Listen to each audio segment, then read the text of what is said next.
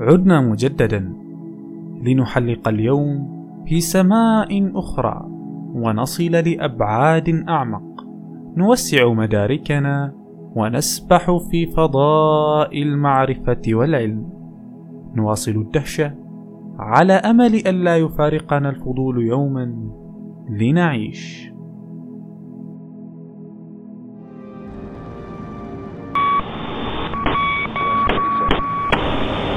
قبل اكتشاف العلم الحديث وماهية الأرض وكيف خلق الكون. لذا نحن مصنوعون من النجوم بكل ما تحمله الكلمة من معنى. ولأول مرة ناسا تطلق صاروخا من المريخ نحو الأرض.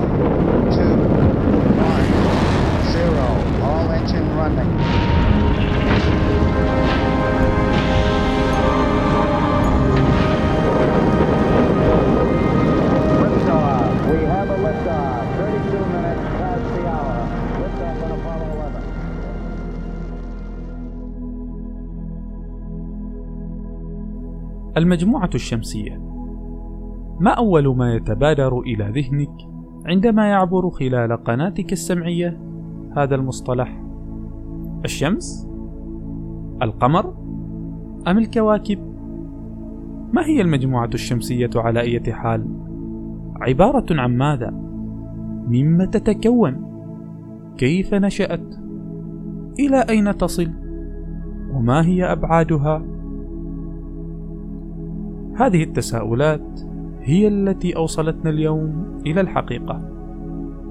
نحلق اليوم إلى نظامنا الشمسي، إلى ما أبعد وأعمق، لنكتشف معا كل الحقائق المتعلقة به.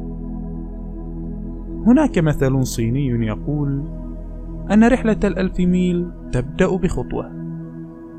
لذلك من المنطقي أن نبدأ استكشاف الكون عبر مراقبة السماء من الساحة الخلفية لمنزلنا، أي مشاهدة مجموعتنا الشمسية من هنا.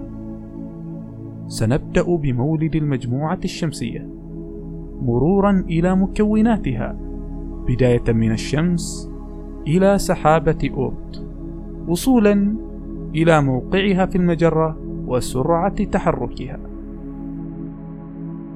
كيف ولدت المجموعة الشمسية؟ بدأ كل شيء منذ حوالي 4.6 مليار سنة حين حلقت سحابة بين نجمية هائلة في الفضاء والسؤال الذي يطرح نفسه هنا كيف وصلنا من هناك إلى هنا؟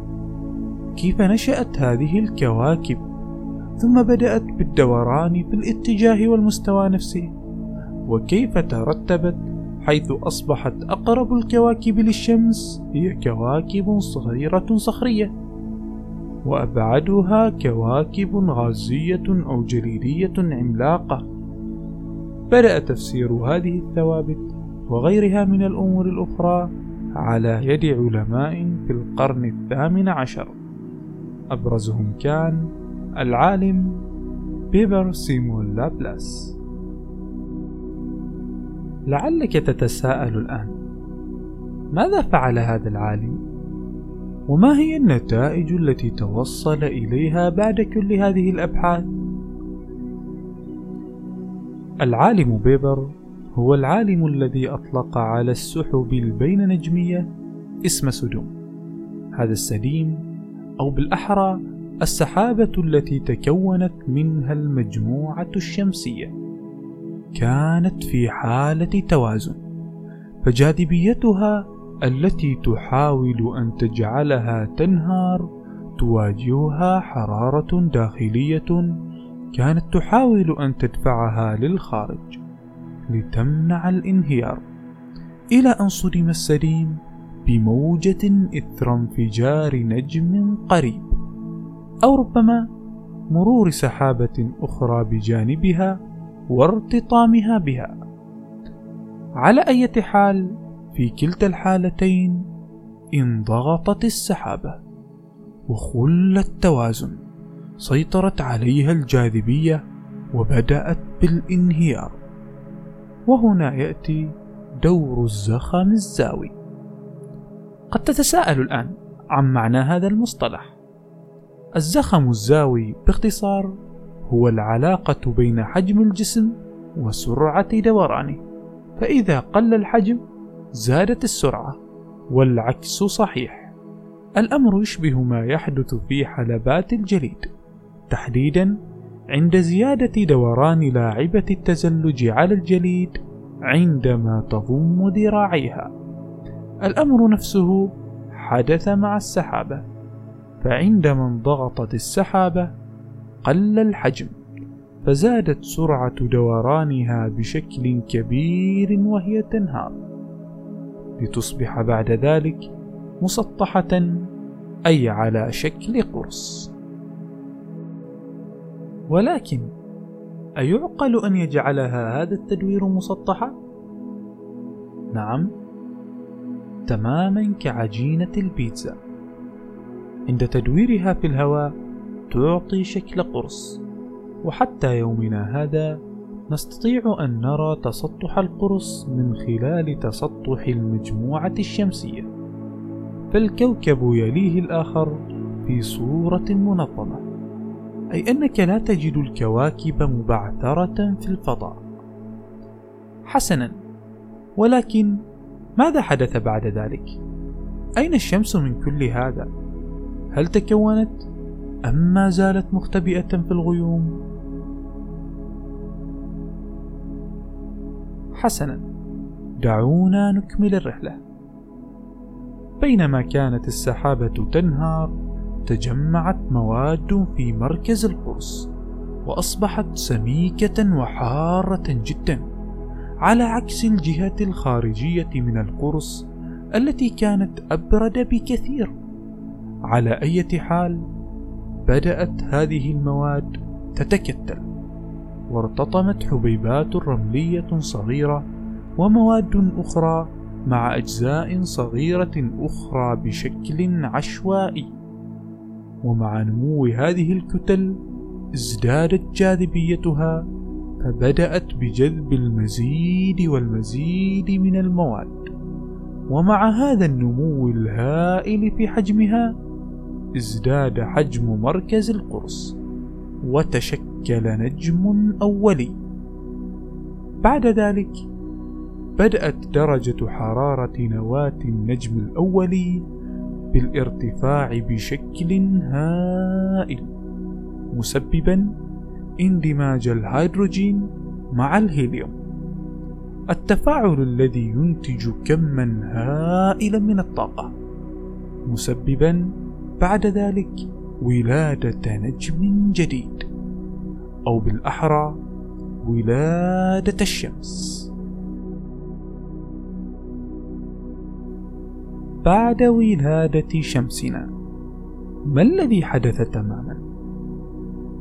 أخرجت النجمة الجديدة ضوءا وحرارة شديدين حيث كانت المنطقة القريبة من الشمس حارة جدا فلم تستطع الكواكب الصغيرة الداخلية الدافئة الاحتفاظ بالمواد الخفيفة الوزن فتطايرت من القرص الداخلي للكواكب الأرضية.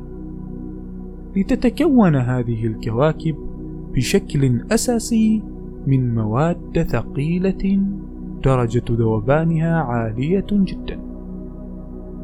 كالحديد والنيكل والمكونات الصخرية للسيليكون.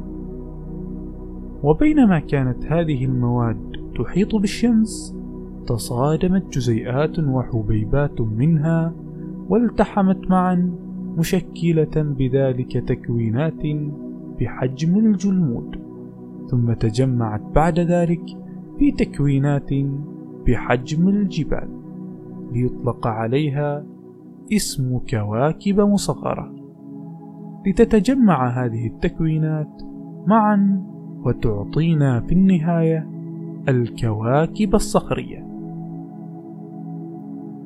هذا عن الكواكب القريبة أو الداخلية.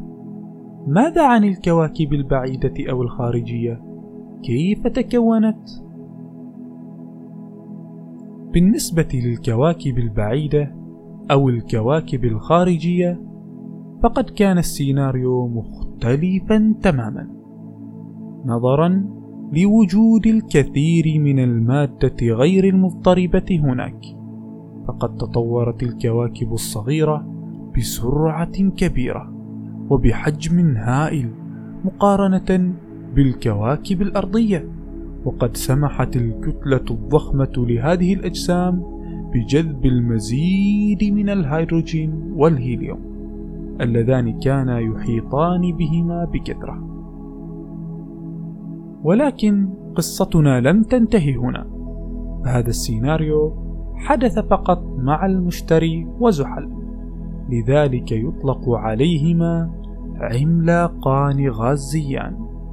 أما كوكبي أورانوس ونبتون فقد تشكلا في وقت لاحق وعلى مسافة أقرب من الشمس مما هما عليه الآن حيث أن في ذلك الوقت كانت تنبعث من الشمس تيارات من الجسيمات. هذه التيارات طردت معظم الهيدروجين والهيليوم خارج المجموعة الشمسية وبالتالي أصبح حجم هذان الكوكبان أصغر من المشتري وزحل فاختلفا من حيث التركيب والتكوين عنهما. وعادة ما يشار إليهما على أنهما عملاقان جليديان هل انتهى الأمر هنا؟ بالطبع لا بعد حوالي 500 مليون سنة من بدء تكون المجموعة الشمسية حدث خلل في النظام لحظة ماذا تعني بالخلل؟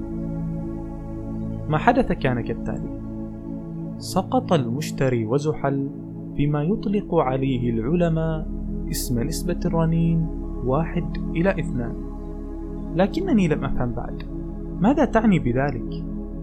نسبة الرنين واحد إلى اثنان أي أن المشتري بدأ في الدوران حول الشمس مرتين كلما دار زحل مرة واحدة حسنا وما المشكلة في ذلك؟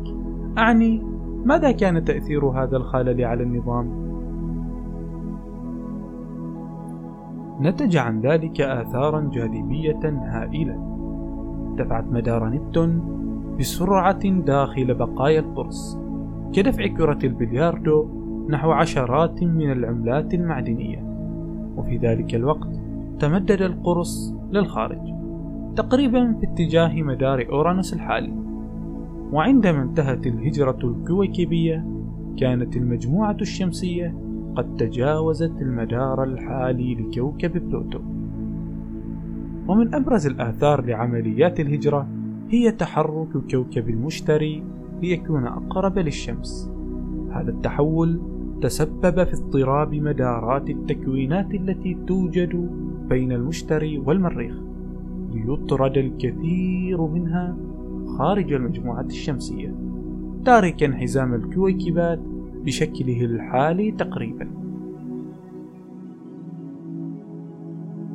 وبسبب هذه التحركات أعلنت الحرب على الكواكب الصخرية وكل ما يوجد بين حزام الكويكبات والشمس لمدة 200 مليون سنة. عانت هذه الكواكب من تصادمات شديدة. فقد تم قصفها بعدد لا يحصى من النيازك والكواكب المصغرة. يمكن رؤية ما خلفته هذه الفترة من ندوب وآثار في الفوهات التي لا زالت موجودة على العوالم الخالية من الهواء مثل عطارد والقمر. أما مصير الماء الذي كان يوجد بكثرة بعيدا عن الشمس على شكل جليد تشكلت منه أجسام جليدية صغيرة بعد نبتون. ولكن كان الفضاء كبيرا فلم ترتطم ببعضها كثيرا فلم يكبر حجمها. ربما مئات الكيلومترات فقط. وهكذا يا رفاق تكونت لدينا المجموعة الشمسية عن طريق قرص نحتته الجاذبية بدقة. حتى وصل إلى هذا النظام البديع. دعونا الآن وبعد أن تعرفنا على نشأة المجموعة الشمسية نبدأ رحلتنا داخلها. ما هو أول وأهم عضو في المجموعة الشمسية؟ نعم بالطبع النجم المركزي لمجموعتنا الشمسية الشمس. والتي تعتبر كرة ضخمة ثلاثة أرباع كتلتها هيدروجين والربع الأخير معظمه هيليوم مع وجود نسبة ضئيلة جدا من غازات أثقل كالأكسجين والنيون والكربون والحديد وغيرهم هل يمكن توقع النسبة التي تشغلها الشمس من كتلة المجموعة الشمسية؟ تشكل الشمس أكثر من 99.8% من كتلة المجموعة الشمسية بأكملها. تشع ضوءا وحرارة تدفئ بها الأرض. الأمر الذي جعل الحياة على الأرض ممكنة. كثير من الأشخاص يصابون بالتشوش حيال عدد كواكب المجموعة الشمسية. هل هي تسعة كواكب أم ثمانية؟ في الحقيقة يدور حول الشمس ثمان كواكب مقسمة إلى مجموعتين الكواكب الداخلية والكواكب الخارجية. دعونا نتعرف على كل واحد منهم على حدة. أولا الكواكب الداخلية والتي تشمل كوكب عطارد والزهرة والأرض. والمريخ وهي كواكب صخرية أسطحها صلبة ليس لأي منها حلقات. يدور حول كواكبها عدد قليل من الأقمار. عدا كوكبي عطارد والزهرة اللذان لا يملكان أقمارا على الإطلاق. والجدير بالذكر أن حجم هذه الكواكب صغير نسبيا مقارنة بالكواكب الخارجية. بعد تخطي الكواكب الداخلية. نجد حزام الكويكبات والذي هو عبارة عن قرص مسطح يتألف من مليارات الأجسام الصخرية المتبقية من نشأة المجموعة الشمسية. وأكبر جسم معروف في حزام الكويكبات هو الكوكب القزم سيريس الذي يقدر حجمه بنفس حجم ولاية تكساس. ستمائة وخمسة وتسعون ألفا وستمائة واثنان وستون كيلو مترا مربعا. بماذا سنلتقي بعد تخطي حزام الكويكبات؟ بعد ذلك نجد مجموعة الكواكب الخارجية التي تضم عمالقة غازية كالمشتري وزحل. وعمالقة جليدية كأورانوس ونبتون.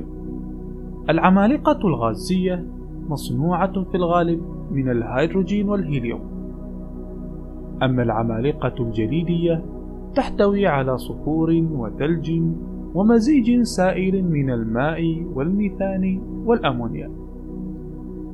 الأربع كواكب تحتوي على الكثير من الأقمار.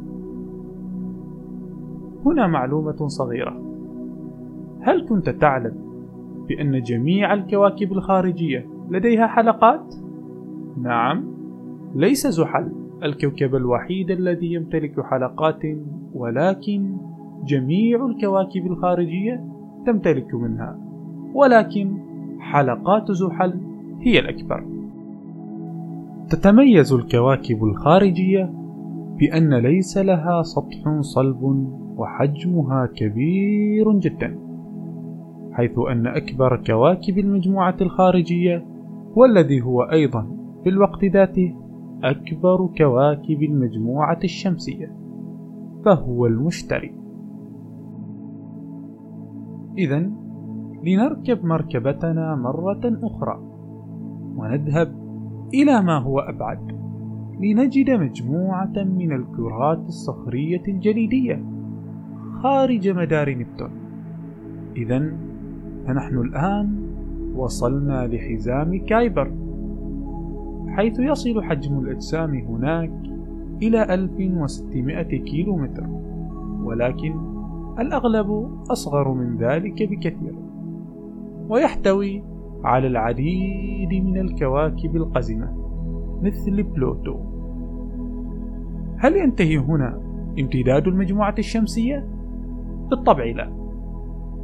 فعلى بعد عشرات مليارات الكيلومترات من الشمس يندمج قرص أجسام حزام كايبر في سحابة كروية هائلة من الكرات الجليدية تدعى سحابة أوت.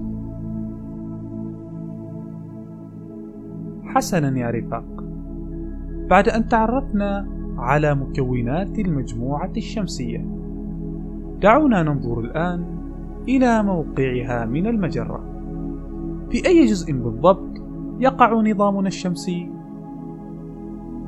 تقع المجموعة الشمسية في ذراع الجبار على مسافة تقدر بحوالي 25 إلى 27 ألف سنة ضوئية من مركز المجرة وتتحرك شمسنا بسرعة حوالي 240 كيلو مترا في الثانية أي 864 ألف كيلو متر في الساعة.